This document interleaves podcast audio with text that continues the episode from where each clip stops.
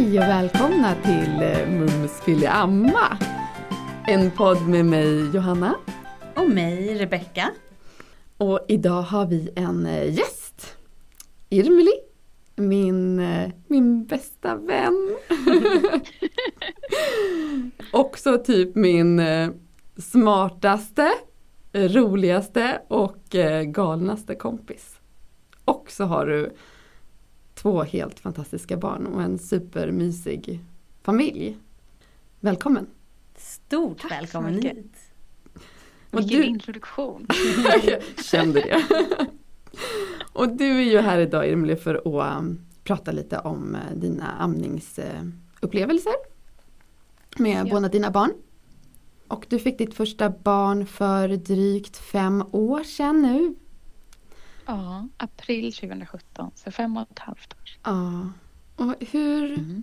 hur var det för dig? Hur var din eh, graviditet?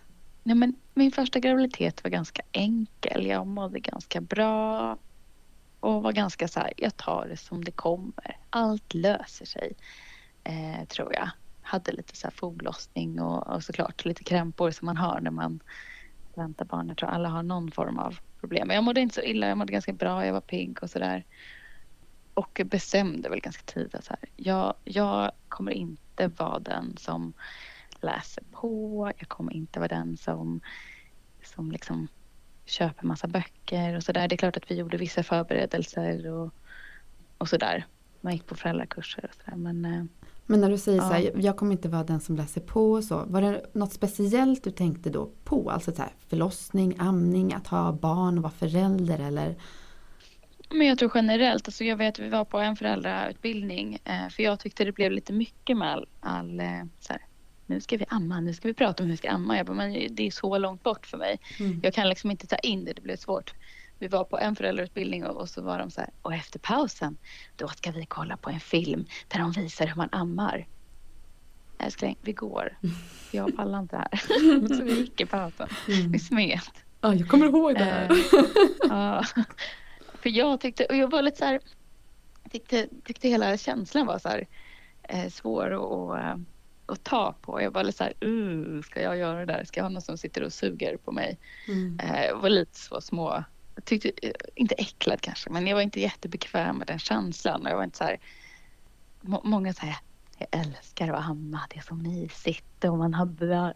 Jag kände bara, uh, nej. Eh, vi tar det när det kommer. Det kommer säkert gå bra. Eh, och hade ändå en känsla av att jo, men jag vill amma och jag vill att det ska funka. Men jag tar det sen. För att det är för mm. mycket för mig att ta in. Jag, jag liksom var bara så här, uh, nej. Och samma lite med så här, förlossning och hit och dit. Jag skrev ett förlossningsbrev vet jag, men då skrev jag typ att jag vill inte att min man eh, ser någonting. Han får mm. gärna vara ovanför mitt huvud när det ska öppnas grejer. Eh, typ. Mm. och jag vill ha smärtstillande i mängder, tack. Mm. Det var typ det jag skrev. Tror att eh, det... Men sen var själva förlåt. Nej men förlåt Emilia. Jag tror att det är väldigt vanligt bara det som du säger. Det här med ja. amningen. Att många känner att det är så långt bort och eh, det känns så inaktuellt just nu innan man ens har fått sitt barn. Jättevanligt tror jag. Mm. Verkligen. Samtidigt så tror jag att de pratar väldigt mycket om att om man är förberedd så går det bättre och hit och dit. Jag vet inte. Men men pratar du liksom så här, du, ni kanske valde aktivt att liksom inte förbereda så mycket, det kändes liksom inte bra för er. Men pratade ni, du och din man om amning? Pratade du med andra om amning, typ förlossning, att bli förälder eller?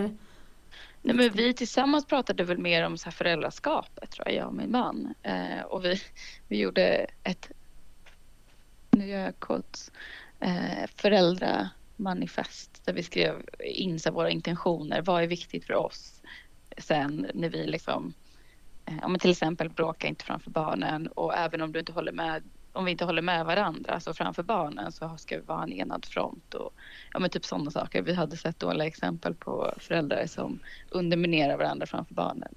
Mycket sådana saker som vi kände mm. så här, nej men det här vill vi skriva ner. Eh, och sen har vi faktiskt kunnat gå tillbaka till det när vi har känt så här, att vi tappar det. Mm. Vad, vad, tycker vi är viktigt och vad mm. kommer vi överens om? Eh, så det har varit jättebra. Mer sådana saker som vi pratade om. Och jag tror, jag förberedde mig inte så mycket på förlossningen heller. Eh, jag var så här, jag tar det när det kommer. Jag pallar inte. Mm. Vi var på någon så föreläsning och fick reda på de olika faserna och sånt så det hade man ju koll på liksom. Men det räckte för mig. För jag tror också att jag kände att jag hade någon inbildning av att det här kommer jag klara av, det här är liksom lugnt. Eh, sen var min första förlossning skitjobbig och utdragen. Eh, och sådär. Jag vet inte om det kanske hade varit bättre att vara förberedd men jag tror typ inte det. För min del var bara så här. Jag är ganska mycket som generellt, jag tar det som det kommer. Mm. Mm. Men så inte så superbra upplevelse från första förlossningen känns det som, eller? Eh, nej, alltså jag, jag vet här när jag skulle ge betyg när vi åkte från sjukhuset så gav jag högsta betyg för jag bara jag lever och jag har ett barn och jag är skitnöjd med det. Men det var efter en vecka på mm. BB för att jag hade en stor blodförlust eh, mm. som kom efter att jag hade förlöst mitt första barn. Så att vi, vi spenderade en vecka på sjukhus. Mm. Eh, och fick så här, tilläggsmata i början med ersättning och det var svårt att få igång amningen. Eh. Var det så att den här blodförlusten som du hade eh, uttryckte personalen att, att du behövde tillmata på grund av det eller var det någon annan anledning? Ja men det började med, alltså förlossningen var väldigt utdragen. Jag tror att den på i två, tre dagar. Mm. Eh, jag hade en väldigt lång latensfas och sen så fick de köra, för jag var så trött sen när det väl var dags så då körde de sugklocka. Precis, du hade och, liksom ett så här långdraget förlopp, det gick inte framåt ja. och då kände man att man behövde hjälpa till med med sugklocka. sugklocka. Eh, och även där så fick man ju dra fem gånger tror jag. Mm. Så det var en ganska svår. Så sen då så, så fick vi ändå komma ner. Jag blödde väldigt mycket och de hade sagt att du kan blöda väldigt mycket och så sa de något om kvar, stora kvagel. Eh, och jag var så här, ja, ja, ja, allt är lugnt. Eh, men sen till slut så ringer min man på larmklockan för att han tycker att nu börjar du se väldigt blek ut och det är väldigt mycket blod som, som forsar ur. Eh, så då märkte de att jag hade en stor mängd blod kvar i magen och så gjorde de ett ultraljud och såg att nej men det här är inte rätt. Så då skickade de ner mig på operation. Och där såg man att jag hade en stor bristning eh, som man inte hade sett. De mm. satt väldigt långt upp. Mm. I vaginen eh, menar du? Ja, mm. precis. Mm. Och sen så hade magen inte orkat dra ihop sig för att kroppen var så trött. Mm. Eh, så att jag hade tror jag, totalt en blodförlust som de mätte upp på 2,7 liter. Mm. Och då var det väldigt mycket av det som de inte mätte upp. Så att jag fick väl fyra påsar med blod där och sen fick jag sånt här intravenöst järn. Så att först stannade vi kvar för att jag inte mådde bra. Precis och det vet vi ju oavsett vad för typ av um, traumatiska upplevelser man har. Förlossningen, amningen, att bli förälder. Så vet vi ju att vi är dåliga på att prata med varandra om det här. Mm, och det gör ju att vi alla liksom stänger inne. Eh, och man man stött, det blir ju att man inte stöttar varandra mm. i sina upplevelser. Mm. Just nu pratar vi liksom förlossning men likväl tycker jag att det är med amningen. Man, man pratar inte om det man tycker är tufft. Mm. Och Nej. åtminstone inte på det här känslosamma sättet. Nej, det blir så mycket, det är ju generellt ganska mycket press och en del alltså, stigma kring hur man känner kring amning. Ja men det ska vara så lätt och det ska funka och alltihopa. Men, eh, nej, men först var vi kvar för att jag inte kunde stå upp i princip och de var rädda att jag skulle liksom, jag fick inte ställa mig upp själv. Mm. Eh, men sen så droppade Filippas viktkurva. Eh, så då var vi kvar för att man får inte gå ner mer än hur många procent? 10 procent. Mm, vi säger att det är normalt att gå ner upp mot 10 procent. Mm hon hade väl gått ner då 14 kanske. Eller något sånt mm. mm. Eh, så då började de också följa amningen. För då tror jag i början så första två dagarna så ammade jag bara. Eh, men sen så då så skulle jag hålla på. på de, de var tvungna att se, då kommer det någonting när jag ammar eftersom jag hade haft den här blodförlusten. Så då har vi börjat bråka med det där och sen då så togs beslutet att nej men för att inte belasta min kropp. Eh, tror jag så började vi tilläggsmata och då satt man med en liten sån här minikopp mm. med ersättning och så fick man sitta och mata henne så här. Mm. Eh, vilket också blev så här, det var så mysigt för vi hade en barnmorska som var hon var inte grunden svensk eh, utan hon kom från ett annat land. Och hon hade den här traditionen av att vira barnen som en liten burrito. De kom in och hjälpte oss på nätterna och satt och vaggade Filippa. Och så här. De var så himla fina. Och sen fick vi öva själva på det där med att tilläggsmata. Och sen vet jag, jag tror, gud jag minns inte hur många dagar vi var kvar. Men jag vet att man brukar säga att efter tre dagar så kommer den här, man får två bomber liksom. Men för mig tog det några extra dagar för att komma igång och det var inget konstigt med det. Nej, Men jag det... vet när vi åkte hem från sjukhuset så började jag bara okej, okay, det är det här vi snackar om. Mm. Nu, nu, nu, kom, nu rinner det till eller vad mm. man Precis. Exakt. Det här är faktiskt, eh, det vet man, det är jätte, jättevanligt när man har blödit mycket under förlossningen. Eh, och i ditt fall hade du blödit mer än väldigt mycket. Eh, så är det jätte, jättevanligt att det tar längre tid för mjölkproduktionen att komma igång mm. oavsett ja.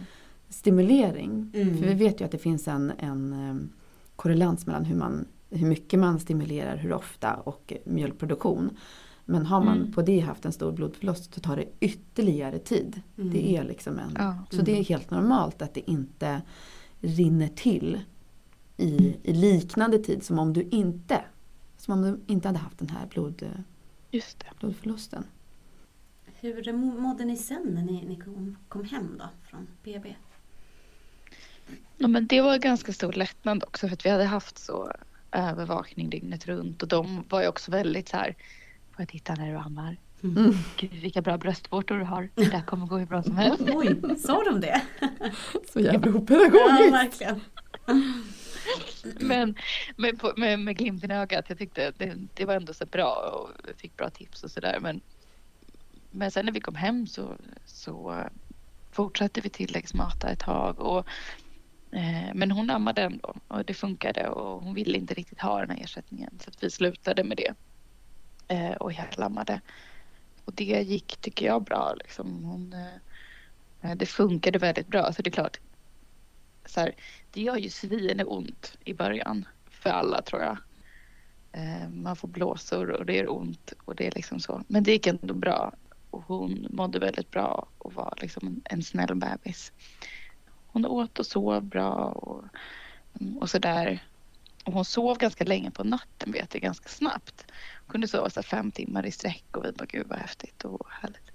Eh, men sen började vi gå hos BVC och jag vet inte, vi hamnade hos någon tror jag ganska junior barnsköterska, eh, barnsjuksköterska. Och jag vet inte, jag tror hon blev stressad över att, att Filippa hade haft typ den här viktnedgången i början och att vi hade tilläggsmatat och sen slutade. Så hon var väldigt så här, ja ah, nej, för både jag och min man är rätt eh, smala. Eh, jag är ganska kort. Jag, min man är väldigt lång och smal. Så att Filippa av förklarliga anledningar var liksom, hon var normallång, låg lite över på längd och under på vikt i kurvorna. Liksom. Hon följde en annan kurva eh, i vikt. Och sen så var hennes kurva kanske inte pekade rakt uppåt utan den, den eh, var lite mer flak kanske. Eh, men hon växte på längden och hon gick ändå upp i vikt. Hon gick bara inte upp i vikt tillräckligt snabbt. Men då blev BVC väldigt stressade och var väldigt så här, ja hur ofta matar ni? Eh, ger ni någon ersättning? Nej, men jag har slutat med det för att jag vill verkligen att mjölkproduktionen ska komma igång och jag var liksom så här, jag vill att det ska funka och jag känner att om jag börjar re annat så kommer, kommer det liksom naturliga att försvinna. Mm. Hon var så här, ja men nej, vill ändå tilläggsmatar och jag sa nej fast jag vill inte det nu för att det mm. funkar och hon växer och hon och då var hon så här, ja men då måste du nog börja mata oftare. Hur ofta matar du? Hur länge sover hon på natten? Så berättade jag, nej men hon sover ganska länge. Det är jätteskönt, vi får sova. Ja, nej det där är inte bra. Så då sa de först då, men väck henne så hon måste äta var tredje timme dygnet runt. Det är väldigt viktigt att hon gör det för att hon måste börja gå upp mer i vikt. Och då var vi så här, ja okej, okay. ska vi väcka henne verkligen när hon sover? Det, känns, det gick emot alla, alla liksom instinkter. Men eh, vi började ändå göra det ändå för att BVC har en auktoritet. Man är, mm. man är förstagångsförälder och man är osäker och någon säger ditt barn mår inte bra, du måste göra på ett annat sätt. Okej, okay, vi mm. väcker. Så då började vi med att väcka henne var tredje timme och eftersom hon fick ju i sig det hon behövde liksom, och växte så, så blev det ju ingen skillnad. Eh, för hon var ju inte mer hungrig. Men då började de säga med veckorna varannan timme. Så jag hade ett larm varannan timme dygnet runt och väckte den här stackars människan då som sov så fint. Och hon och, var inte så superintresserad av att amma då fast du väckte henne på natten eller vad var din upplevelse? Nej, det var ju en kamp att väcka henne mm. Kan jag säga för att hon sov ju. Eh, och då blev det snarare att hon aldrig var hungrig för att hon alltid smååt. Och ja, men ni får börja ge henne olja. Så vi skedmat henne olja. Alltså det var så katastrof. Mm. Hur gammal var hon då? Alltså det här var, hon var ganska liten. Jag tror att när hon var tre, fyra månader mm. så började vi sluta med det här. Mm. Jag vill bara inflika där. Eller hur? Visst blir man frustrerad när man hör det här. För du är inte den enda som har hört det här kan jag säga. Jag också bland annat. När mitt första barn. Och det vi vet, eh, vi som jobbar med det här och så, det är att just där kring 3-4 månader så ökar oftast barnens behov av, det här, ja, av, av mat. Och man kan se en liten utplaning i, i kurva eh, hos många barn. Och, och, det är många som hamnar där, att man blir lite påprackad. Att tillmata sitt barn med, med ersättning eller formula som vi säger. Medan man egentligen kanske bara behöver låta barnet styra. Och eh, ja, men styra det här själv och följa sin kurva det viktigaste är att barnet mår bra, är pikt och eh, liksom vitalt och utvecklas rätt. Som du säger så växte hon ju fortfarande på längden. Så mm. ja, väldigt eh, frustrerande. Till och med när du som, som du säger förstagångsförälder, om man är osäker, ändå vågar ifrågasätta det. Vilket jag tycker är otroligt modigt. Ja, så var ni inte riktigt på samma bana ändå. Det... Nej, och tyvärr lyssnade jag ju. Alltså, mm.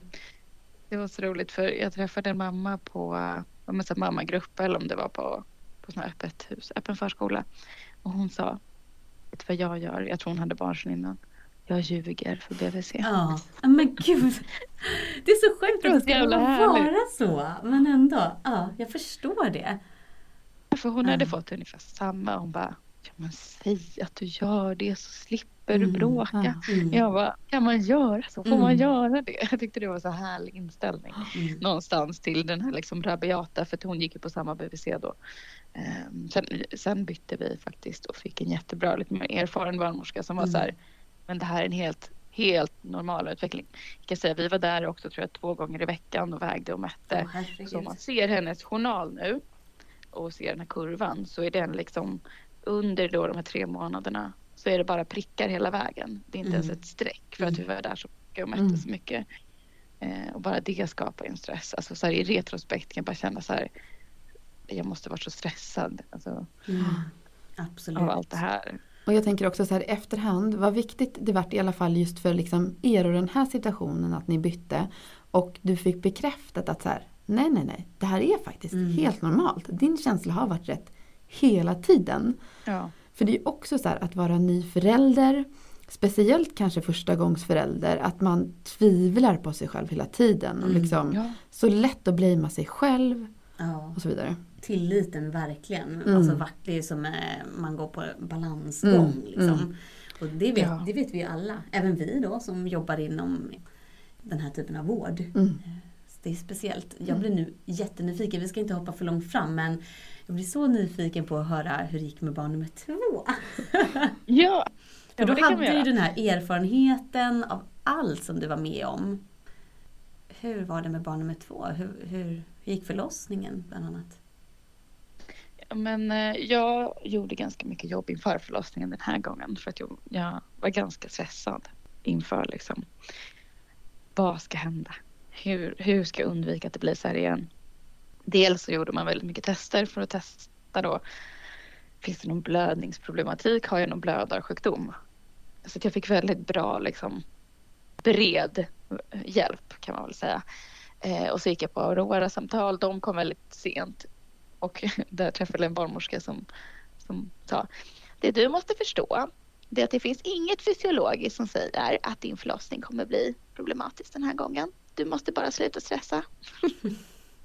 men, men där, jag tror jag pratade med dig om det också. Mm. Eh, eller Johanna som du heter. du får säga Jonna, det går bra. Nej men att där hade jag sinnesnärvaro att vara så här, okej okay, hon, hon, hon har sin åsikt. Och det jag ville, jag tror många av de som söker Aurora, de vill ha ett snitt. Jag vill absolut inte ha snitt. Jag vill absolut inte hamna på operationsbordet. Så det var lite, lite svårt i början. De var så här, jag tycker att du ska föda vaginalt. Jag bara, ja det vill jag också. Eh, jag vill bara mm. våga det. Mm. Men jag hade en bra kurator där som jag pratade med eh, till slut. Och när jag väl, vi, vi gjorde en plan, en ganska lång plan, jag och överläkaren på kvinnokliniken på Danderyd som var jättebra. Nej, men, så jag gjorde väldigt mycket förberedelser inför min andra förlossning. Och jag hade också ett väldigt tydligt plan i min journal. Så att jag fick komma in tidigt. Och även den här gången så hade jag en jättelång latensfas. Men här gjorde man väldigt mycket åtgärder för att bryta den och för att liksom komma in i en aktiv fas. Så att min kropp inte skulle trötta ut sig. Så det kändes väldigt skönt. Jag visste att när jag kom in, när jag kom in så skulle jag eh, bemötas på ett annat sätt och jag skulle inte bli hemskickad. Jag skulle liksom så. Så det var väldigt bra. Och det tror jag så här, om, om jag vill tipsa om något för folk som har haft det svårt att våga stå på sig själv och våga ställa krav på att mm. få en plan och att träffa överläkare eller läkare. Gå igenom förloppet och vad var det som hände sist. Mm. Och vad kan vi göra? Och att verkligen liksom ställa det kravet och sen när man kommer in på förlossningen också säga jag har en plan. Ja, mm. det är en mm. skitjobbig förlossning. Ni måste läsa min journal och ni måste läsa allt som står och ni måste göra det som står. Mm. Mm. Lite så för att för att det liksom inte jag var tvungen att stå på mig själv där och också säga att det finns någonting ni behöver läsa. Jag vet första gången jag ringde in. Så det första jag sa var Har du läst min journal? Nej. Kan du göra det? Mm. Vad bra att du gjorde det. Mm. Ja, men för att de hin jag vet att ni eh, barnmorskor inte hinner eh, se det. Eh, för att ni har för mycket att göra. Så därför kändes det också så skönt att, att säga det att jag, jag har en lång plan ni måste läsa den och ni måste ta hänsyn till det. Mm. För annars vet jag att jag skulle blivit hemskickad, jag skulle inte få komma in och sådär. Mm. Eh, men så att jag fick stanna kvar. Eh, det här var ju mitt under covid eh, mm. 2020. Januari, nej juli, förlåt. Men Johan fick sen, när de väl fick igång mig i aktiv fas och kunde bekräfta att jo men nu är det i aktiv fas. Då fick Johan komma, min man. Och så liksom satte vi igång. Jag fick så här lustgas. Det hade inte funkat första gången. Jag mådde väldigt illa av den. Men nu var det som min bästa kompis. Jag fick sitta och hålla den där. Eh, jag fick bada båda gångerna vilket var väldigt bra för mig tror jag. Och slappna av och sådär. Mm. Och nu satt jag i bad ganska länge. Eh, jag vet att vi liksom stannade på, på Danderyds sjukhus i Stockholm så har de ett, ett väldigt stort badkar som är liksom som en stor bubbelpool som är skitmysig. Så där satt jag jättelänge tills jag kände så här nu kan inte jag vara på rygg för man ligger på rygg. Nu kan inte jag vara på rygg längre, nu måste jag få komma upp liksom. Så det var en sån jättebra grej. Och allt gick väldigt bra fram tills att barnmorskan säger så här. Nu har vi en copy-paste på din förra förlossning. Jag vet inte riktigt vad vi ska göra för jag fick verkstimulerande men hjärtljuden gick ner. Så de var tvungna att stoppa det och det var precis så som förloppet var första gången. Men då säger hon så här. Nu har vi copy-paste på din förra förlossning så jag måste gå ut och prata med de andra barnmorskorna och läkaren och jag bara och så gick hon. Och jag satt där och bara, men då var det, fångade både min man och undersköterskan upp mig och var så här, nej, nej, nej, tänk inte på det. Och började liksom, så. så det var väl den enda liksom sån, sådana tillfället som var lite stressigt. Men sen kommer in en barnmorska som är erfaren och hon bara, jag undersöker dig under en verk. Så håller jag kvar under verken och då var jag, jag minns inte, men jag var kanske fem centimeter öppen, något sånt. Och sen så håller hon kvar och sen så efter den verken så viskar hon något till, eh, till min barnmorska. Ler lite finurligt och säger mm. hej då. Kan ni sätta igång typ? Och jag förstår ingenting. Och de bara ja, då är du fullt öppen. Ja. Då ska vi börja kvista typ. Jag bara va? Vad händer? Mm. Så hon liksom, jag vet inte. She worked her magic. Uh, Tillsammans med din var... magiska kropp. Mm. Ja, självklart. Häftigt. Det är häftigt att vara en föderska på det sättet. Ja, kroppen vet. Det var en väldigt häftig liksom, vändning från det där så här, vad ska vi göra till mm. nu kör vi. Mm. Och eh, det var så häftigt också för att jag fick liksom vara med och jag fick verkligen en revansch. Mm. Jag kunde stå upp och krysta, jag kände liksom i huvudet allt det här som man pratar om som folk tycker är härligt eh, och häftigt. Inte härligt kanske, det gör ju ont och det är härligt men, men det är härligt när man känner att kroppen liksom jobbar och man känner att ja. Mm. Det kan vara jävligt mycket power i det. Mm. Och jag blödde inte ens en halv liter. Åh, oh, vad bra. Alltså, det var verkligen så här häftigt. Mm. Överlovet. Mm. Och då behövde inte ni bli separerade heller. För det var ju en stor grej tänker jag första gången. att eh, du var tvungen att vara på operation och få hjälp med din blödning. Och då var ju inte ditt barn med dig. Nej. Och det vet vi också kan för, förlänga eh, det här med amningen, att den kommer igång. Ju, separation. Mm. Det som var första, jag fick ju ha henne för det var ju några timmar efteråt. Så Mm. direkt så fick jag upp henne i alla fall på bröstet vid första förlossningen. Och fick ha henne ett tag och sen separationen. Mm. Som såklart var jobbig men jag tror att det är nog ännu värre om man skickas iväg direkt. Mm. Liksom. Men nu så, så var jag väldigt pigg också efteråt. Alltså jag kände mig liksom på ett helt annat sätt. Eh, Och jag tror också, ja, men jag var glad. Jag fick den här endorfinrushen som man får och det fick jag liksom inte riktigt första gången. Och jag fick lite extra sånt där hormon, vad heter det? Oxytocin. Ja, Mm. Just för att de var rädda att det inte skulle dra ihop sig. Så, så jag fick väldigt mycket extra boost där liksom också. Så, vilket jag tror gjorde att jag fick ännu mer liksom, den här euforin och glädjen. Det var väldigt fint. Och han hoppade ju direkt liksom, av sig själv och började amma det första han gjorde. Smart barn. Mm. Ja, precis. Häftigt att se det där, tycker jag. När de liksom pickar sig fram. Mm. Jag minns inte hur det var med Filippa, för då var jag så borta med mitt första barn. Men det var häftigt. Och det, ja, men allting funkade väldigt bra. Jag tror också jag insåg att så här, jag nog inte mådde så bra efter min första förlossning. När jag var så här, kan man vara så här glad Mm. efter man har fött barn? Kan det vara så här härligt? Så det var en väldigt positiv upplevelse faktiskt. Och ja, men där kom ju amningen igång snabbare. Och allt kändes bara mer naturligt. Liksom. Det var inga viktnedgångar den här gången. Ni behövde inte tilläggsmata. Nej, han gick, då går jag alltid ner lite men det var inga konstigheter så. så. Det har ju varit bra. Sen så precis som med mitt första barn så är ju han mindre. Han Mm. ligger två kurvor under på, Mm. på vikt. Men den här gången hade vi en barnmorska som var så här, Mm. ja, alla barn är unika. De här kurvorna skapades typ på 90-talet i Göteborg Mm. med så en population av barn. Det säger ingenting om hur ditt barn ska vara eh, Så eller vad som är rätt och fel. Mm. Eh, Det är ett genomsnitt. Mm. Det är en indikation. Eh, Det är inte sanningen. Så bra. Ja, man bara tack, tack, tack. Sen så valde vi att jag pumpade ganska mycket och flaskmatade för att vi ville att det skulle funka. Dels så fick stora syster vara med och mata, vilket hon Mm. tyckte var väldigt härligt. Och sen så ville jag kunna vara mer fri för att min, mitt första barn vägrade flaska. Och de gångerna jag hade barnvakt fick de sitta med en sked och liksom mata det jag hade Mm. pumpat. Så. Men också så valde vi att introducera ersättning för honom. Men det, ja, halvlyckat resultat. Men det var väl mer för att jag vill ha en frihet. Men så jag såg till att liksom han skulle ta flaskan. Så. Och hur gammal var det- han när ni började med det ungefär då? Ni kom hem från BB och sen, när, när kände du sen, "Nej, men nu, nu kanske vi ska testa med det här som ni hade planerat för? Gud vilken bra fråga. Ehm, Men jag tänker typ så här, var han en, två veckor? Var han eh, tre, Nej han var nog lite större tror jag. Ja, okej. Mm. Ja. För det är ju of, ofta, alla barn samma sak där är ju så olika. Men ibland kan de ju bli lite så här förvirrade med flaskan när de är så här små. Mm. Liksom. Att aha, man suger på det sättet på flaskan och på det sättet på bröstet. Det är såklart olika från barn till barn också. Mm. Mm. Men kunde, tror- ni, kunde du både flaskmata och, eh, och amma honom då? Gick det bra? Ja. Mm. Vad Det är jättebra.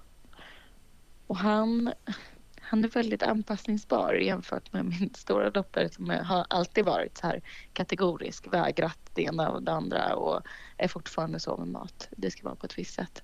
Han är väldigt så Ja, majs, det kommer mat här, det kommer mat där. Liksom. Han är inte så, så, så komplicerad. Eh, Mm. Utan han hänger med. Mm. Typiskt andra barn. Mm. Lillebror liksom. Mm. Han gör det som passar för alla andra.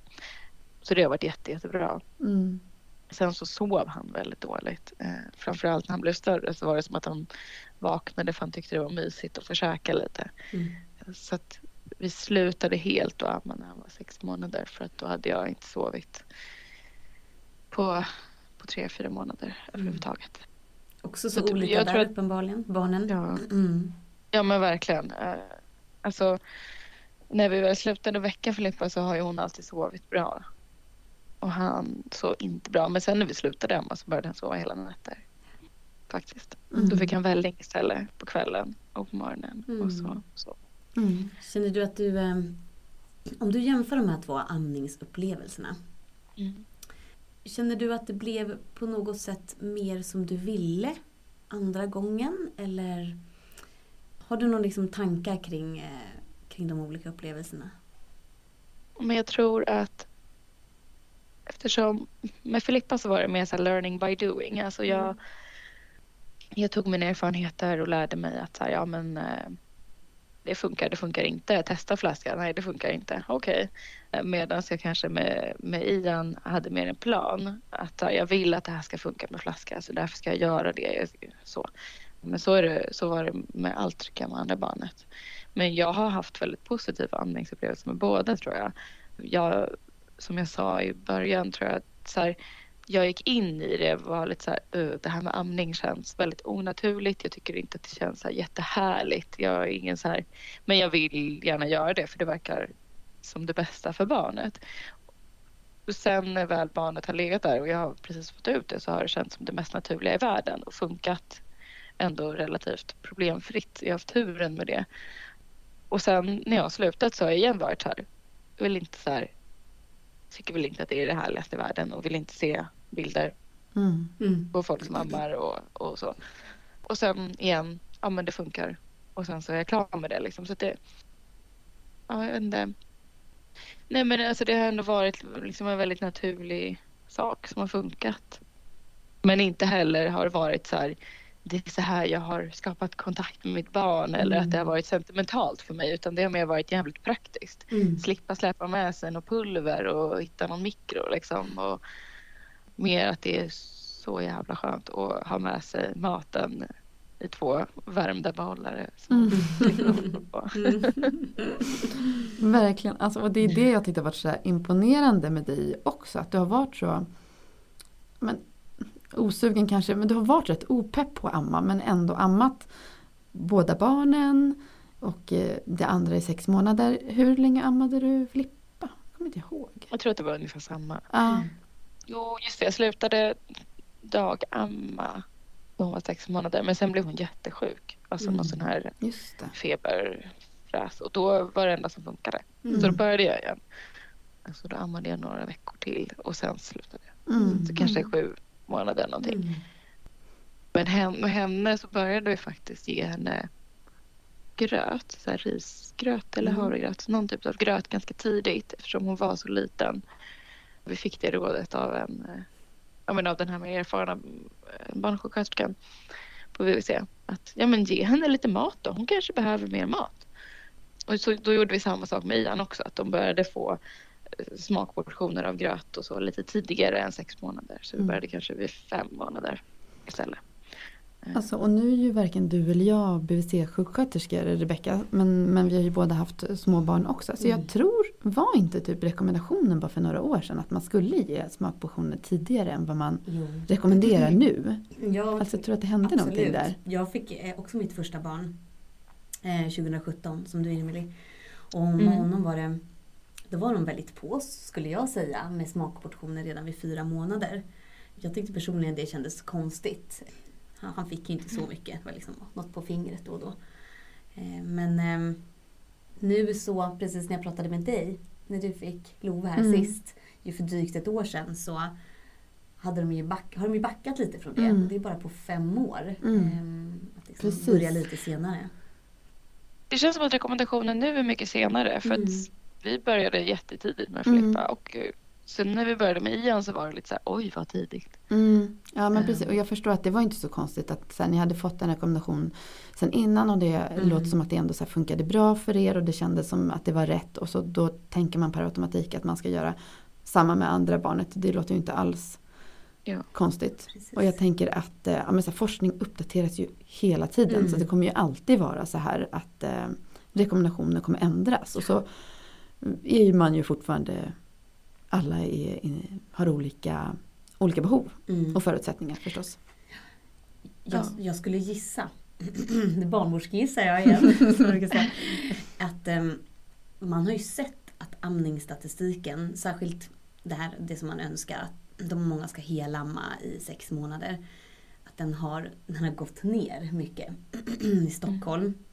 Sverige vet jag inte, men särskilt i Stockholm, Stockholmsregionen. Så det kan ju vara en insats från BVC också, att de tar tillbaka lite eh, det här med eh, smakportioner så tidigt för att inte störa mm. helamningen. Det mm. är min gissning. Alltså jag tycker ju alltid att det har varit så svårt och ja, men när man ska övergå från amning till mat. Det är som att det har känts så onaturligt för mig. Jag vet så här, hur, gör, hur gör man? Jag vet jag sa det till Irmli med mina tvillingar. Bara så här, Gud jag vet inte hur jag ska göra. Och du var så här, eh, men vad då göra? Så här, du ska ge dem mat? jag bara, men hur? ja men, men, men nu i alla fall när jag fick eh, Love då. Då var de liksom verkligen mer så här, Nej, nej, nej, bara på fingret vid sex månader. Liksom, bara smak, det ska liksom bara vara smaksensationer. Så mm, nämnde de det. Mm. Smaksensationer. Mm. Ja, Sensationer. ja, det var väldigt vackert. eh, Precis. Ja, men jag tycker det där är så olika. Vissa liksom matar de ju väldigt tidigt med mat, mat, alltså så här, mm. matburkar typ. Mm. Men sen är det väl också livsmedelsindustrin. Alltså jag tänker att det mm, finns ju väldigt absolut. mycket burkar som står från fyra månader och då är det så här, ja men då kanske jag ska ge mitt barn mm. en sån här burk vid fyra mm. månader. Det är inte riktigt det som är tanken heller. Nej. Ja, precis, du sa en så himla bra grej där. Så bra, verkligen. Någonting som vi också tänker jättemycket på och det är ju samma sak med ersättning också. Det, mm. det är ju väldigt mycket eh, pengar i allt. Så um, särskilt i de samhällen vi lever i så är det ju inte mm. över hela världen. Mm. Nej. Väldigt olika. Ja, nu vet ju jag Irmeli att du är så här, eh, det kommer nog inte bli en tredje barn för dig. Men, nej. nej. men om, om det blev det, skulle du eh, planera för att amma då också? Ja men absolut. Alltså mm. jag, jag är en ganska lat person eh, så att jag inte gör något jag inte måste göra och för mig är då liksom amningen är nog det, det enklaste alternativet för att få till eh, en vardag. Jag är på språng, speciellt om man har två stora barn. Hur ska man få till att liksom hitta mat när man har mat mm. som man producerar själv? Och som, alltså, av rena bekvämlighetsskäl, ja. Mm. Mm. Och jag tänkte på det du sa i början också att så här, nej men nu var det aktivt lite och inte förbereda, det var liksom inte eran grej, det kändes inte bra, ni var inte där förmodligen. Men ändå så hade du någon form av förkunskap att, att amning nog var det bästa för barnet, tror jag att du sa så här i början. Och jag tänker att det kanske var det som också ändå drev dig till att eh, testa amning. Ja men precis, och man blir ju ändå matad med alla olika fördelar med det här som finns och, och sådär. Vilket är bra tycker jag. För jag menar, immunförsvaret, speciellt om man har större barn, så, så får de ju ett immunförsvar från en så de slipper RS och annat skit förhoppningsvis. Mm, ja, precis, förhoppningsvis. Ehm, de här första dagarna. Mm. Det är ju, det är ju ett, ett bra, alltså man får massa antikroppar precis som du säger. Sen så är det absolut inte något hundraprocentigt skydd men det är ju mm. absolut någonting. Mm. Och vi vet ju också att det, det skyddar mot vissa typer av sjukdomar lite längre fram också mm. diabetes och sådär. Eh, så som sagt, inte heller hundraprocentigt men, men det är ett visst skydd. Liksom. Så, mm. ja, som ett eh, naturligt vaccin kan man ju säga. Mm. Vacciner är oftast heller inte hundraprocentiga. Mm. Ja men precis. Ja. Om du skulle ta någonting eh, med alla dina erfarenheter eh, och som, som du vill ja, lyfta lite för andra eller folk som lyssnar just när det kommer till amningen. Är det någonting du vill berätta om? Eller ja, men jag, tänker att, ja, men jag tänker att man kanske ska lyssna på sig själv och sin egen intuition i så möjlig mån det går. För att ofta så har man bäst koll på vad som funkar för ens egna barn och vad som blir bäst. Eh, jag tror liksom våga ifrågasätta BVC och andra och våga också skita i vad alla säger och bara lyssna på sig själv och så här, tack för tipset, jag tar emot det och sen mm. gör man vad man vill med det. Man kan tacka och ta emot men man behöver inte lyssna på vad alla säger, man mm. behöver faktiskt inte det utan i, i de flesta fall tror jag att man vet bäst själv och känner liksom vad som är rätt. Är man osäker så kan man ju fråga. Men det där gäller nog också de som, som väljer att, eller som liksom mår dåligt av att amma. Då tycker jag också att så här, våga lyssna på det då. Känn ingen press. För att jag tror inte att man är en bra förälder om man inte mår bra åt det ena eller det andra hållet. Liksom. Verkligen. Jättebra, superviktigt verkligen. Som du säger, en eh, förälder som mår bra, det, då mår ju oftast barnet bra också. Oavsett hur man väljer att göra. Ja. Mm. Och sen ljug för BVC. Alltså det här tänkte jag faktiskt på, på tal om att ljuga för så här BVC och så. Min mamma när hon ammade mig, Mm. då var det ju så här tider, man skulle ju inte amma oftare än var fjärde timme. Alltså, Mm. så här, men det fick man ju Mm. inte, man skämde ju bort barnen då. Så att, tänker så här, det gjorde väl alla vid den tiden? Ljög ja. Ljög ja men det måste sa de att de ammade var fjärde timme och Annars bara hade de väl skrikande barn Ja. där hemma liksom, Ja. som inte var nöjda. Precis. Galet alltså, vilka Ja. konstiga rekommendationer. Mm. Skulle vara Men det där tycker jag också man kan ta till sig lite att så här, rekommendationerna ändras hela tiden kring Mm. mat, kring hur ofta man ska amma, kring hur mycket allt liksom. Så Mm. någonstans måste man försöka hitta en grundtrygghet i sig själv och tänka logiskt. Mm. Liksom, vad funkar för mig och vad funkar för mina barn? Man kan Mm. inte bara lyssna. Det är klart man ska lyssna på, på forskning och hit och dit. Mm. Men Absolut. Ja, och jag tänker också man. på alla råd som man får. Att, här, om man inte förstår varför man får rådet, då har man ju inte ens möjlighet att så här, aha men det här rådet passar mig. Eller Mm. nej men du det där rådet passar nog inte mig. Mm. Plocka från ett smörgåsbord brukar ju vi säga. Så här, Mm. liksom, Det som Ja. funkar. Och också vetskapen om att alla barn är olika. Som den här andra BVC-sköterskan poängterade. att de- De är ju individer och ja, titta på föräldrarna. Hur ser föräldrarna ut? Och man kan inte gå utifrån den här mallen hela tiden. Så länge barnen mår bra. Gud, så otroligt fint av dig att berätta om allting. Jättevärdefullt. Jag hoppas verkligen att det är många som kommer att lyssna på det här. Ett jätteviktigt avsnitt tycker jag. Också så här, inte så ovanligt. Det du har varit med om ändå. Jag tror ju verkligen på det här att vi behöver prata med varandra om alltså både bra och dåliga upplevelser. Absolut. Och att det fanns, det finns någonting däremellan också. Man kan ha bra upplevelser men det kan vara tufft ändå. Mm, verkligen. Det är tufft att hamna i, i den nya rollen som förälder. Det är Ja. ju jättestor förändring i livet. Det går ju inte att sticka under stolen med. Nej. nej. Ja, men du, världens, världens största tack. Du är fan bäst. Otroligt, otroligt givande och fantastiskt och rörande att lyssna på. Mm. Emily, verkligen. Tack. Mm. Ta hand om dig. Mm. Ja, Ha en fin dag nu. Mm. Ja, men detsamma. Tack snälla. Tack. Tack.